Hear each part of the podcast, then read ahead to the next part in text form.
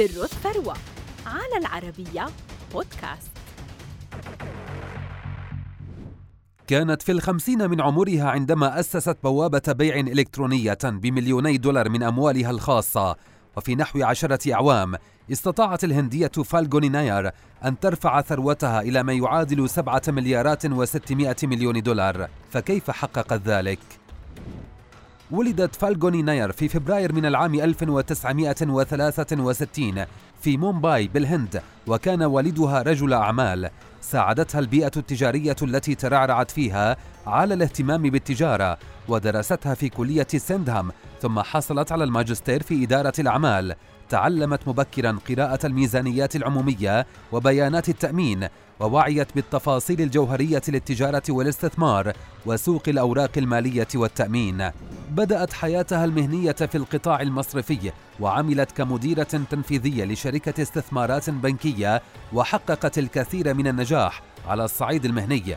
في عام 2012 فكرت ناير بالاستقالة وتأسيس شركة لبيع مستحضرات التجميل بالتجزئة ثم أطلقت متجرها الإلكتروني نايكا لتعرض مستحضرات التجميل للماركات العالمية واجهت ناير تحديات تقنية في البداية لكنها وجدت الحلول دائما. أما أهم خطواتها فكانت جذب المستثمرين لشركتها حيث طرحت شركة نايكا للاكتتاب العام في نوفمبر لعام 2021 لتجذب عددا من المستثمرين.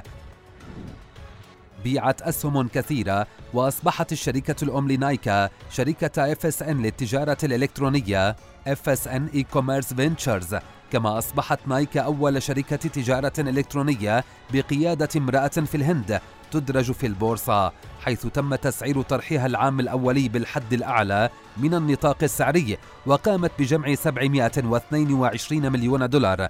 فيما ارتفع السهم بنسبة 96% في أول أيام تداوله في مومباي.